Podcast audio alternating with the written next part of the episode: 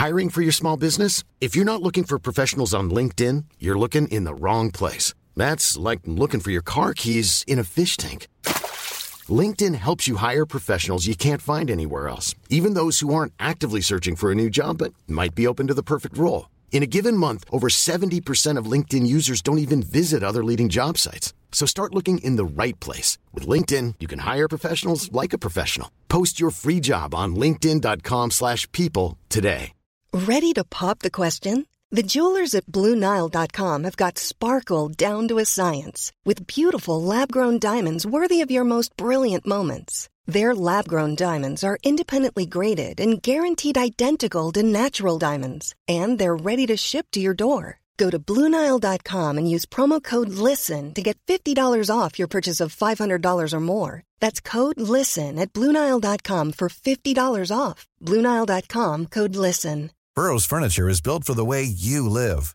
From ensuring easy assembly and disassembly to honoring highly requested new colors for their award-winning seating, they always have their customers in mind. Their modular seating is made out of durable materials to last and grow with you. And with Burrow, you always get fast, free shipping. Get up to 60% off during Burrow's Memorial Day sale at burrow.com slash ACAST. That's burrow.com slash ACAST. burrow.com slash ACAST. I dag har vi flyttet oss noen hundre meter fra kontorene våre opp til Høgskolen på Vestlandet. Tor Hjalmar Sævik og meg sjøl, Tarjei Gilje, sitter her sammen med Olav Fykse Tveit, som om noen uker tiltrer som preses i bispemøtet i Den norske kirke. Men her er du i kraft av det som du ennå har som verv, nemlig som generalsekretær i Kirkenes verdensråd. Tor Hjalmar, du har vært litt på konferansen her. Hva er det som foregår? Denne konferansen handler jo om bærekraft i religion. og her er det gjester fra store deler av verden, og også fra en stor bredde av trossamfunn. Fra en buddhistisk munk til en muslimsk lærd fra USA, og til teologer fra flere kristne kirkesamfunn. Så det er jo på et vis eh, et slags fellesreligiøst eh, perspektiv på det, men samtidig en, en, sånn, en felles anliggende når det gjelder det å ta vare på jorda. Og så tenker jeg, Når du er her, Ole Fykstveit, så kan det være interessant å ta utgangspunkt i det du hadde som, som tema. Nemlig hva er det verden trenger nå? Mm. Eh, og, og fra, et, fra, et, kristent perspektiv så, så finnes det jo forskjellige svar eh, på det, men det grunnleggende svaret vil jo være verden trenger evangeliet. Og så vil noen si, når vi begynner å snakke om klima, kan vi da stå i fare for at kirka blir opptatt med feil spørsmål? At det, den blir mer måte, opptatt av å redde jorda enn mennesker som bor på den?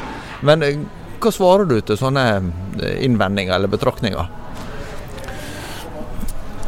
Ja, dette som skjer her nå, syns jeg er en veldig god måte å, å få fram uh, at vi, vi, bor jo alle på samme jord. Og, det, og, det, og, denne jorda har Gud skapt. Og det er jo et veldig Det er jo det første vi tror, ser at vi tror, at Gud har skapt mm. hele verden. Både oss og alt det andre. Uh, så dette handler jo om trua vår. Det handler ikke om, om en, en, annen religion eller, eller, noe som ikke har noe med trua å gjøre. Og så prøvde jeg å få fram da at uh, men det er flere sider ved trua vår som faktisk er utfordra, og som vi må tenke gjennom hva, hva, den betyr i møte med det vi står overfor i dag. Og det er jo altså, Hva betyr det at Gud elsker verden? Ikke bare har skapt verden, men elsker verden. Og det er jo, det er jo evangeliet. Eh, og så sier vi jo det med Bibelen, og det sier vi jo tror at Gud elsker verden gjennom det Jesus kom. At eh, Jesus ble menneske, og at Jesus døde for oss og sto opp igjen.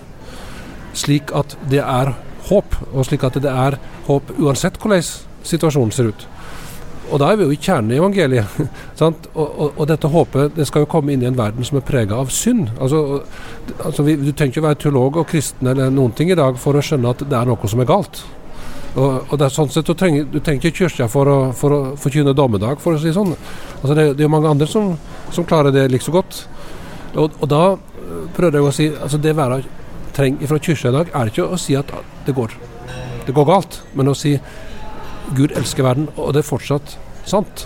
Og vi må være med og formidle det, og dermed også skape, skape både en kjærlighet til andre mennesker som lir under den situasjonen som vi eh, lever nå, men også mennesket som en del av, av naturen. Altså vi, vi, kan ikke leve uten naturen. Og det begynner vi å skjønne etter hvert litt mer av. Eh, og derfor er det jo da, Evangeliet er faktisk at det kan frigjøre oss til å handle riktig og gjøre dette bedre. Og derfor så, så mener jeg at det er, ikke, det er ikke evangeliet eller jorda, men det handler om hva evangeliet betyr for oss og jorda.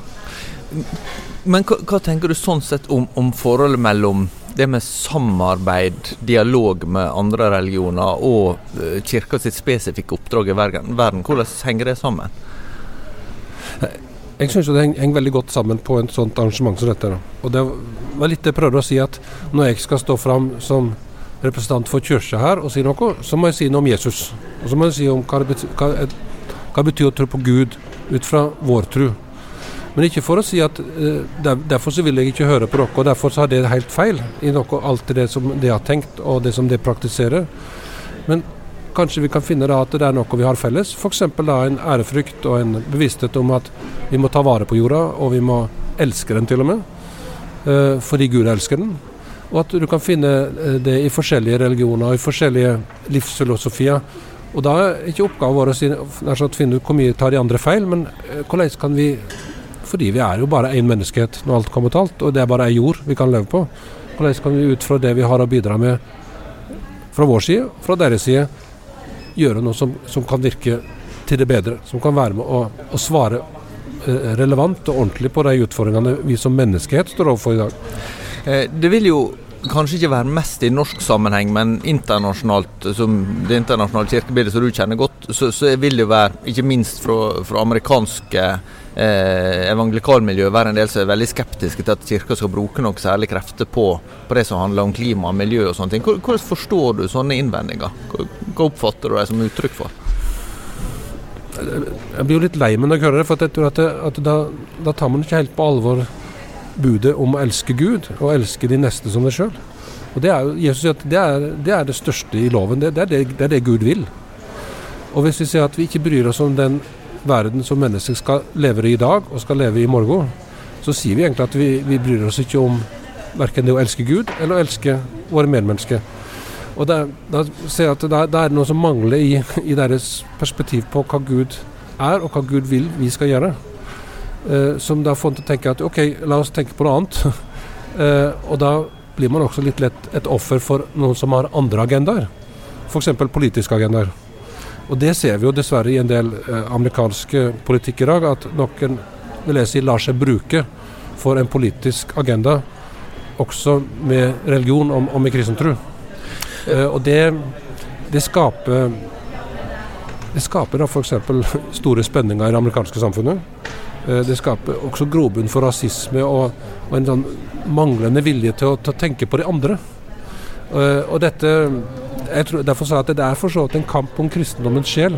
Ja, som også for, til uttrykket her. For, det vil jo gjerne være et argument motsatt at, at uh, det med miljø religion ser ut til for noen nesten være sånn religionssurrogat. Og, og en kanskje da viser til, til Paulus sine ord om mm. at i romerbrevet om at mennesket dyrker det skapte i stedet for Nei, eh, skapningen i stedet for skaperen. ikke sant? At, at, miljøbevegelsen tenderer til å bli sånn sekulær religion, nesten. Hva, hva tenker du om det? Altså det, det, det, det, kan jo mange ting bli. Men, men jeg tror at det, er ikke noe argument for at vi skal si at dette ikke har noe med vår kristne tro å gjøre, og vårt forhold til Gud å gjøre. Um, og jeg syns jo at uh, derfor også er det viktig for meg å si at eh, i, i det større, litt større bildet som, som, eh, vi arbeider med i Kirkens verdensråd, også i forhold til mer det vi kaller evangelikale kretser, evangelikale kirker, så er det en mye sterkere bevissthet hos mange enn det man kanskje hører om. Også i sånne kretser, om at nei, vi, vi må jo ta på alvor at Gud har kalt oss til å ta vare på jorda også. Uh, og en av de aller sterkeste og kritiske stemmene i amerikansk kristelighet for tida, er jo en veldig sterk evangelikal leder, Jim Willis som, som, hver uke presenterer jeg vil si, mye mer politiske budskap enn vi er vant med. Men som er opptatt av at uh, kristendom er radikal, egentlig. Og da må en også gi uttrykk for at Gud faktisk elsker verden, og elsker alle mennesker. Du fyller 60 eh, år i år. Ja. Eh, så har jeg lest i avisen at du kommer både fra Bømlo, fra Dale i Vaksdal, fra Åfjord og fra Gol. Dette har sammenheng med at faren din var prest, så det var litt, litt flytting. Du har vært prest på Haram på Sunnmøre en stund siden nå. I Haram. I Haram. Ja, dette her må vi ha Haramsøy. De sunnmørske preposisjonene må være helt uh, korrekt, ellers blir det bråk. Uh, du var i Mellomkirkelig råd fra 2002 til 2009 som generalsekretær på slutten, og så har du vært generalsekretær i Kirkenes verdensråd fra 2010, altså i ti år. Uh, hvor lang oppleves veien fra oppvekstmiljøene som prestesønn rundt omkring i norske bygder? Du har sagt at du er bygdenes mann mer enn byenes mann, til det globale egentlig, perspektivet som du har nå, der du har tatt til deg over lengre tid egentlig impulser som er ganske forskjellige fra de mange av dine sognebarn for å si det sånn, i den nye rollen din uh, har? Jeg, syns at dette henger, det henger sammen på mm. mange måter. Um, det, det, det, det syns jeg er ganske interessant at uh, i, i oppgaven å være generalsekretær i Kirkenes verdensråd, og jeg har vært rundt omkring og besøkt kirker rundt omkring i verden, så er de veldig opptatt av at jeg har vært prest i en lokal mm. Og, og, og, når jeg forteller at jeg var på ei øy, så, så blir de enda mer interessert. Altså, altså det, det, skaper et kontaktpunkt mellom det daglige livet og de utfordringene de står i, og at jeg sjøl har vært en prest og opplevd det pastorale ansvaret på, på kroppen sjøl. Eh, det er det, det, er det ene sammenhengen. Det andre er jo at eh, det er jo ingen plass i verden i dag man ikke vet hva som skjer i hele verden. Mm.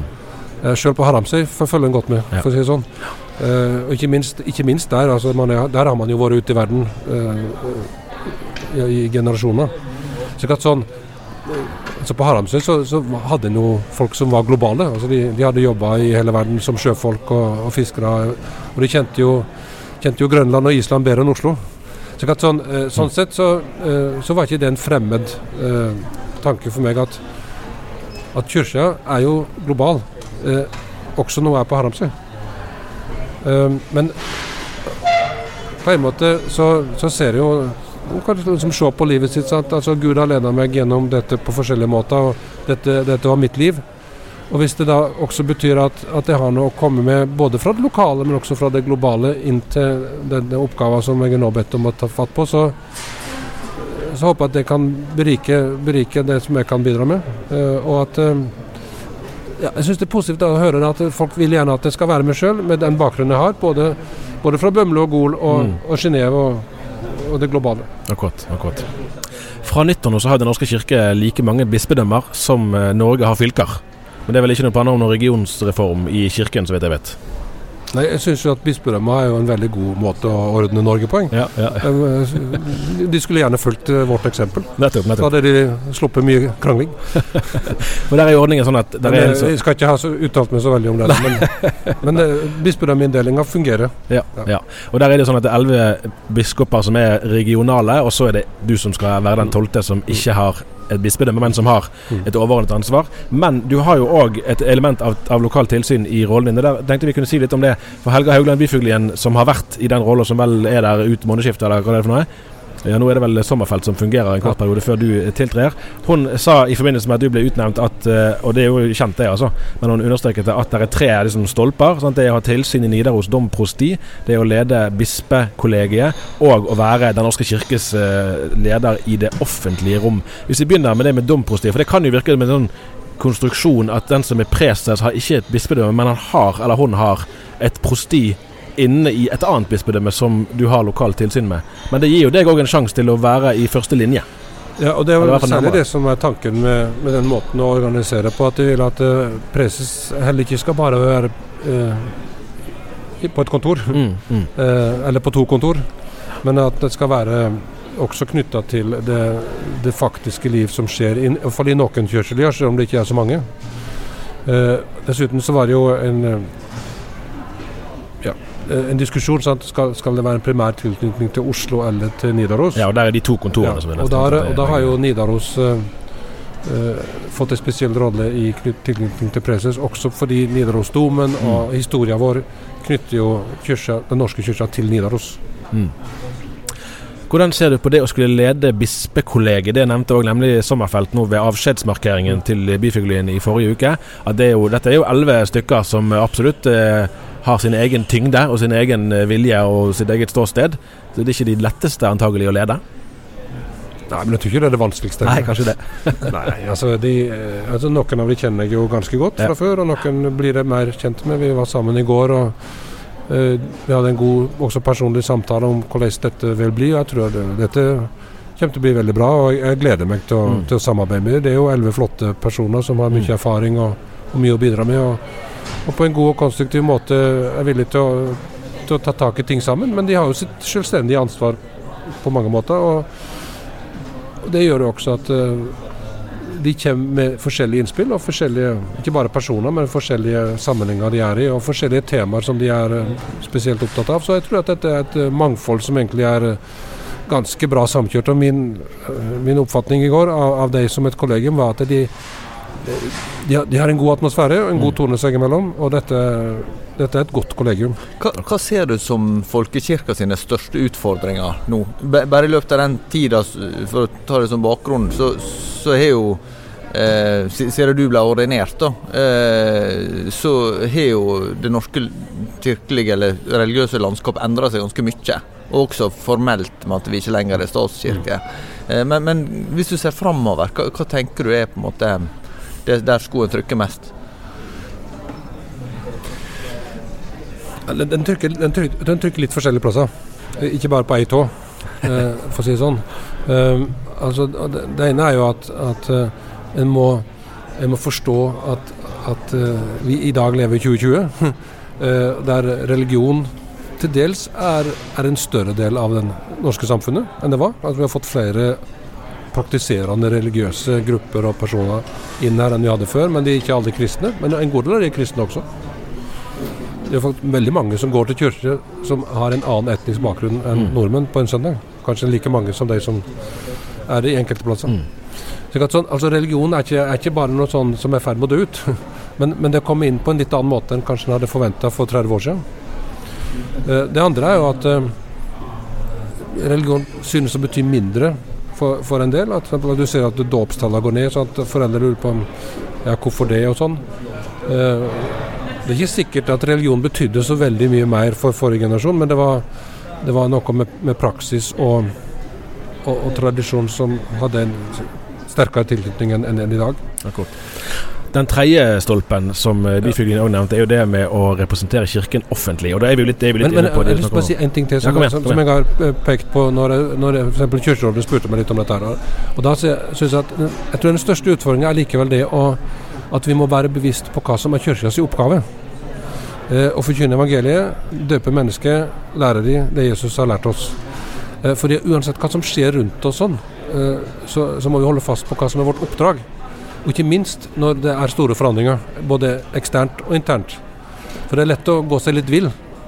Eh, og Derfor tror jeg det er veldig viktig at vi holder fast på hva, hvorfor er vi kirke, og, og, og hva er oppdraget vårt. På NLA-høgskolen gir vi deg utdanning med mening. Og samfunnet trenger både sannhetssøkende journalister, kloke pedagoger, etisk bevisste økonomer og musikere som berører. Sjekk ut NLA-høgskolens studietilbud på nla.no, eller besøk et av våre studiesteder i Bergen, Kristiansand eller Oslo. Det var et enstemmig bispemøte som innstilte deg i, eh, i, oktober. Det var et enstemmig kirkeråd som ansatte deg nå 30.1. januar. du blir omtalt som en samlende leder av mange. Eh, samtidig sier f.eks. Espen Ottosen i Norsk-Luthersk Misjonssammenheng at de ikke har åndelig tillit til deg. Det handler jo da ikke minst om uenigheten om samlivsetikken. Eh, sier dette noe om et tyngdepunkt som har forskjøvet seg, når en, når en egentlig sentral aktør i Norsk Kirkenes som Misjonssambandet rett ut sier vi har ikke åndelig tillit til Fikse Tveit, mens jevnt over så er vurderingen ellers at dette er en samlende lederskikkelse? Ja, Espen Ottosen må jo svare for seg eh, og tolke sine ord. Altså, Jeg husker jo at min far fortalte meg litt om hvordan det var å være prest.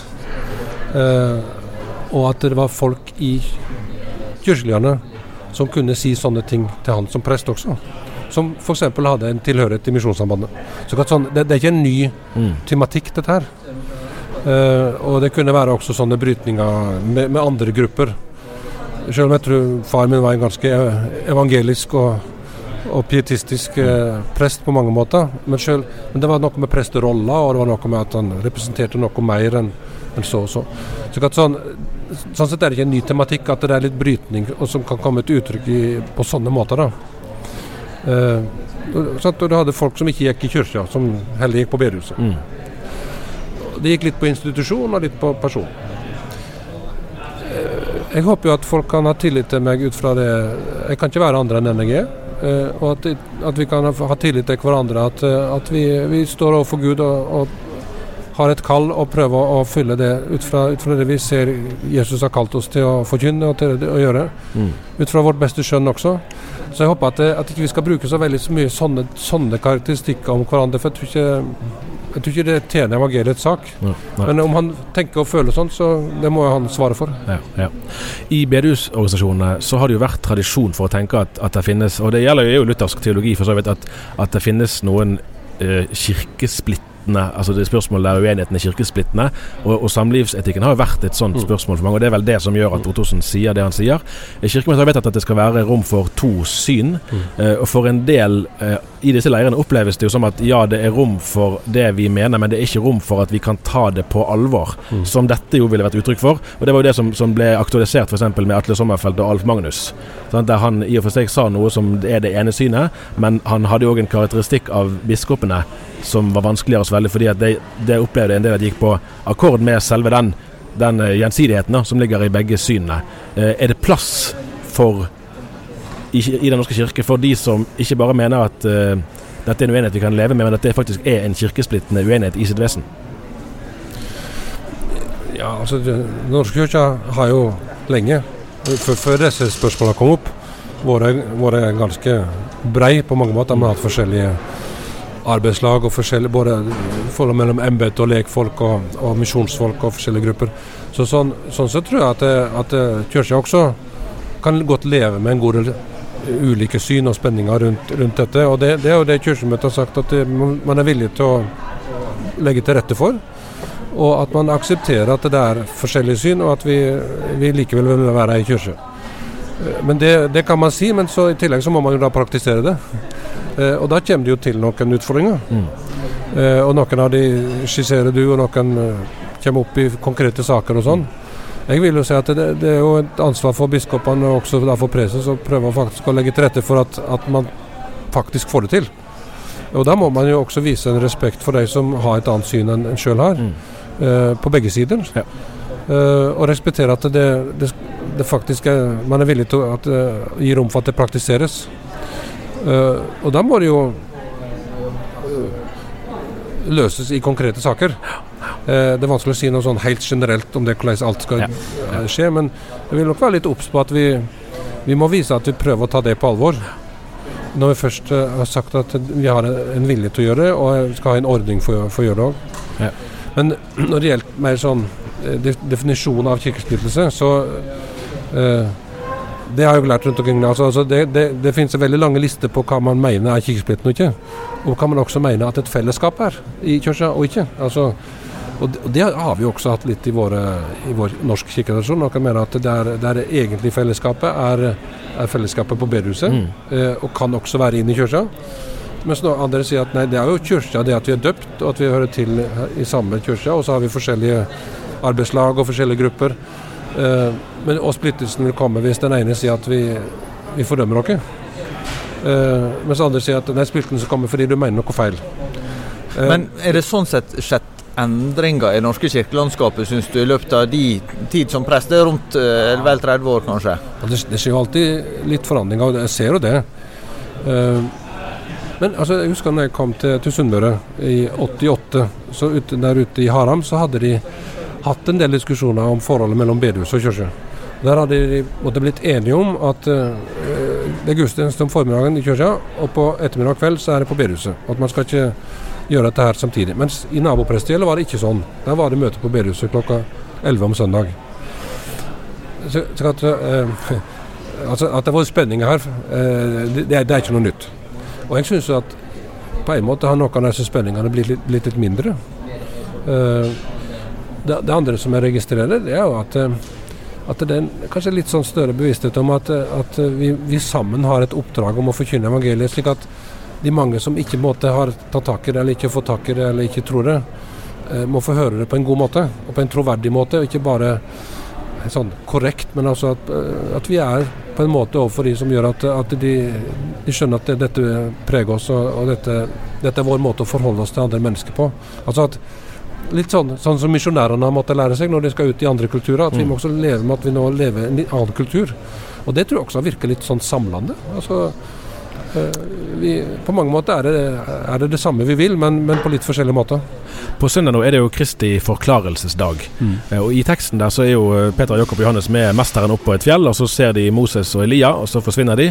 Og så er det jo sånn vers som mange vekkelsesforkynnere har brukt, og det er der da så de bare Jesus. Mm. Og, og det på engelsk utlegges det jo som 'the uniqueness of Christ' i det samfunnet som du skal være preses i, der det finnes, som du har sagt, snakket om, flere religiøse impulser fra flere verdensdeler, og som du har sett veldig uh, mye av de siste ti årene.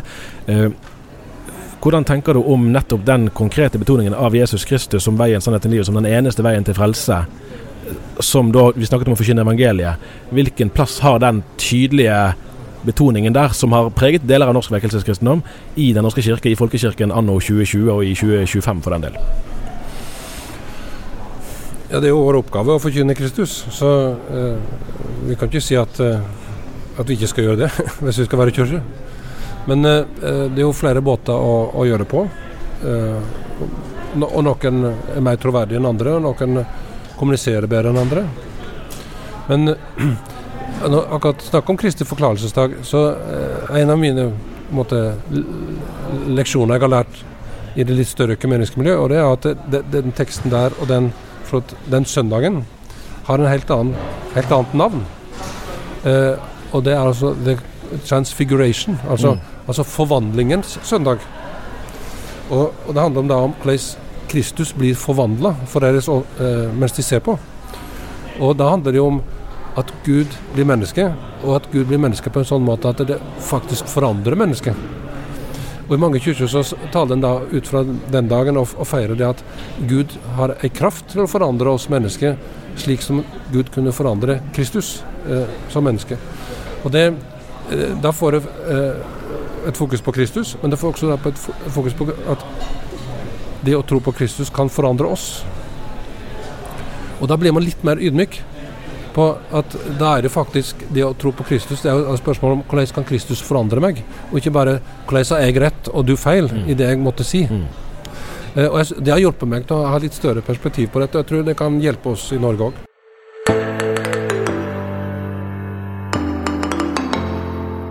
Det er altså Olav Fykse Tveit, kommende preses i Den norske kirke, som er gjest her i Tore og Tarjei denne veka. Og du kommer fra en jobb, eller i ferd med å avslutte en jobb i Sveits som generalsekretær i Kirkenes verdensråd. Og eh, for en som eh, har lest Dagen lenge, da, så vet en jo at det er en organisasjon som har fått nokså hard medfart på, eh, på lederplass i Dagen. Eh, og kan begynne med, altså det, det har jo særlig gått på at en syns Kirkenes verdensråd har vært for uklar eh, teologisk og for, gått for langt i det å være villig til dialog. Eh, hvordan har du opplevd eh, en sånn type kritikk? Altså jeg har jo sånn Jeg har jo lest hva som har vært sagt før, og, og fulgt med på det. Uh, og også sett at det er jo sånne diskusjoner fra tid til annen både her og der. Men i Eh, i min tid så har jeg syntes at eh, vi har klart å samle oss som Kirkenes verdensråd om det som er basisen i Kirkenes verdensråd, nemlig at vi deler trua på Jesus Kristus som Herre og Frelser i samsvar med Den hellige skrift. Og at vi er satt til å formidle vår tro på den tredje Gud i, i, tjeneste og i vitnesbyrd sammen. Og det, det, har jeg brukt ganske mye, eh, nesten, nesten alltid. når jeg, sagt, når jeg blir spurt hva er Kirkenes verdensråd. Altså Det er et fellesskap av kirker som sier at det er dette som samler oss. Og så, er det fordi vi er forskjellige, og fordi det er et fellesskap der vi er villige til å la denne uenigheten eller forskjelligheten også spille seg ut. Uh, for, for, å kunne lære av hverandre, men også for at det skal være en reell brytning om viktige spørsmål. Så si Det kan vi tåle fordi vi har en klar basis. Og det, det at denne basisen er der, det har syns jeg av og til blitt litt borte i sånn kritikk. da. Men jeg har sett det som min oppgave at vi er fokusert på at det, det er vår basis. Og at min rolle som generalsekretær er også en pastoralrolle. Å forkynne Kristus og, og, og kalle, kalle, oss til, til, å forkynne Kristus sammen. Og det var positivt, eh, ikke overraska, men sånn inspirert av at jeg har fått veldig mye positiv respons på det. At ja, det, Kirkenes Verdensråd er et fellesskap av kirke. Det er ikke en fellesskap av, av noen som har en mening hit, mm. hit, og dit. Og da må vi finne ut hvor mye kan vi uttrykke sammen, men også hvor mye kan vi gjøre sammen. Altså, Men, men hva, hva er det du tenker at, eh, at eh, ut fra de erfaringene du har gjort gjennom ti år, hva, hva potensial ser du i det økumeniske samarbeidet innenfor de rammene som du har ledet det? Jeg vil si at eh, altså, Vi har jo ikke noe alternativ. Altså, Jesus sjøl ber jo om at vi skal være ett. Vi må, må, må arbeide med hvordan det skal komme til uttrykk. Uh, og Da har Kirkens verdensråd vært et av de måtene Da 350 kirker i dag har sagt at det, dette er en måte å uttrykke det på. Uh, det andre som jeg syns er veldig viktig i, i denne sammenhengen, det er at uh, altså enhet er ikke et statisk begrep. altså sånn det er, ikke en definisjon eller liksom en ordning primært, men det er jo, det er jo et liv eh, som vi er kalt å leve sammen. Og Derfor er jeg også opptatt av eh, og det er også Pave Frans eh, var veldig opptatt av ved sin måte å tilnærme seg økumenikken på. at Det er jo det at vi skal være pilegrimer sammen, altså være et menneske som tror sammen, som ber sammen, som prøver å handle sammen og prøver å gå sammen. Uh, og det er også våre Vi understreka ganske mye i cover de siste ti åra at det må være vårt grep på dette. Altså at det ikke sånn primært et institusjonelt grep, men primært et grep ut fra, ut fra en trosvandring sammen.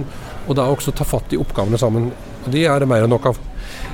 Men eh, den romersk-katolske kirke er jo ikke med, som er verdens største Nei. kirkesamfunn. Eh, ser du noe eh, åpning for at eh, de også kan komme til å slutte seg til? Altså de, de, de er iallfall uh, helt klart uh, under pave Frans sin leding forplikta til å samarbeide med Kirkenes verdensråd. Altså han, han, han er veldig klar på at eh, der vi kan samarbeide, så skal vi samarbeide. Og han gjør, pusher det også veldig konkret. da. Uh, F.eks. har vi samarbeid eh, altså De er jo med i, fullt i kommisjonen om trosspørsmål og kirkeordningsspørsmål. I kommisjonen om misjon. Uh, vi samarbeider om flyktningspørsmål, om fredsspørsmål osv. Um, han har jo også invitert meg til å besøke han igjen før jeg slutter i Roma. Også, det er et uttrykk for at altså, denne relasjonen er en ganske tett relasjon. Eh, personlig, men også institusjonelt. Og vi deler en del av det samme mm, kall og visjon. Men, men det, som, det som jeg vil si, er at altså, romersk-katolske kirke er jo både i størrelse helt annerledes enn alle andre, altså dobbelt så stor som alle oss andre til sammen. Og organisert på en spesiell måte. For den er jo både stat og kirke. Så f.eks. hvis dere skulle lage en uttalelse om situasjonen i Nigeria, og de skal være med, så, må de da ja, de må liksom behandle det både som et sånt kirkelig spørsmål og et statlig spørsmål. Altså, det vil bli en litt komplisert måte å arbeide på. Og det tror jeg også de ser, at det, det, det fungerer bedre med den type samarbeid om saker og temaer som vi har nå, enn å institusjonalisere dette ved at de skulle bli medlemmer. På andre sida så er det ganske interessant at det i Sveits uh, finnes det hovedbase for en eh, for en annen felleskristen aktør som uh, mange i dagens landskap i hvert fall vil, vil ha et forhold til, kanskje uten å tenke så nøye over det. Uh, og det er Lausanne-bevegelsen, som uh, vel hadde sin første verdenskongress for misjon i 1974, stemmer ikke det? Eh, og som er på en måte en sånn ja, eh, evangelikal, mm. evangelikalt forum, og dermed naturlig vil eh, ja, være en en plass som, som f.eks. bedehusfolk og frikirkelige vil naturlig identifisere seg med. Hvordan er ditt forhold til, til den bevegelsen? Har du hatt noe kontakt i den veien når du har vært i Sveits? Ja, men ikke, ikke spesielt i Sveits. Altså, den, han har navnet til Lausanne, men den er ikke spesielt eh, plassert i Lausanne. Og det som er i dag av Lausanne-bevegelsen, er jo knytta til eh, en generalsekretær som har eh, base i Asia, men som jeg også kjenner og, og treffer av og til. Ellers har vi ganske mye samarbeid med det som heter The World Evangelical Alliance, som er jo da en sammenslutning av både kirker og grupper som har en sånn evangelikal preg. Og der har vi også fra deres side fått klarsignal om at de ønsker mer samarbeid med KV.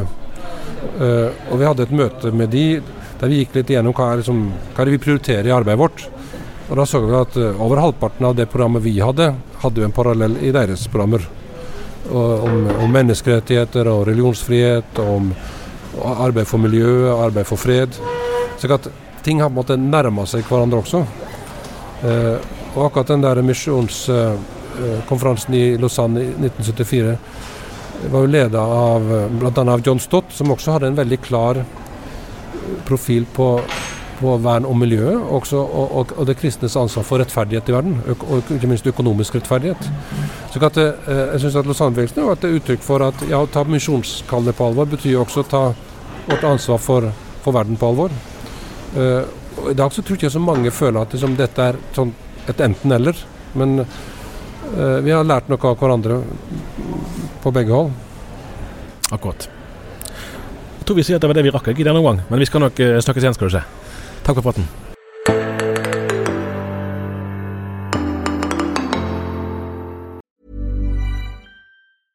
Imagine the softest sheets you've ever felt. Now imagine them getting even softer over time. That's what you'll feel with Bowl and Branch's organic cotton sheets. In a recent customer survey, 96% replied that Bowl and Branch sheets get softer with every wash. Start getting your best night's sleep in these sheets that get softer and softer for years to come. Try their sheets with a 30-night guarantee. Plus, get 15% off your first order at bowlandbranch.com. Code BUTTERY. Exclusions apply. See site for details. Hi, I'm Daniel, founder of Pretty Litter. Did you know cats tend to hide symptoms of sickness and pain? I learned this the hard way after losing my cat, Gingy. So I created Pretty Litter, a health monitoring litter that helps detect early signs of illness by changing colors, saving you money and potentially your cat's life. Pretty Litter is veterinarian developed, and it's the easiest way to keep tabs on your fur baby's health right at home. Go to prettylitter.com and use code ACAST for 20% off your first order and a free cat toy. Terms and conditions apply. See site for details. Even when we're on a budget, we still deserve nice things. Quince is a place to scoop up stunning high end goods for 50 to 80% less than similar brands. They have buttery soft cashmere sweaters starting at $50, luxurious Italian leather bags, and so much more. Plus, Quince only works with factories that use safe, ethical, and responsible manufacturing. Get the high-end goods you'll love without the high price tag with Quince. Go to quince.com slash style for free shipping and 365 day returns.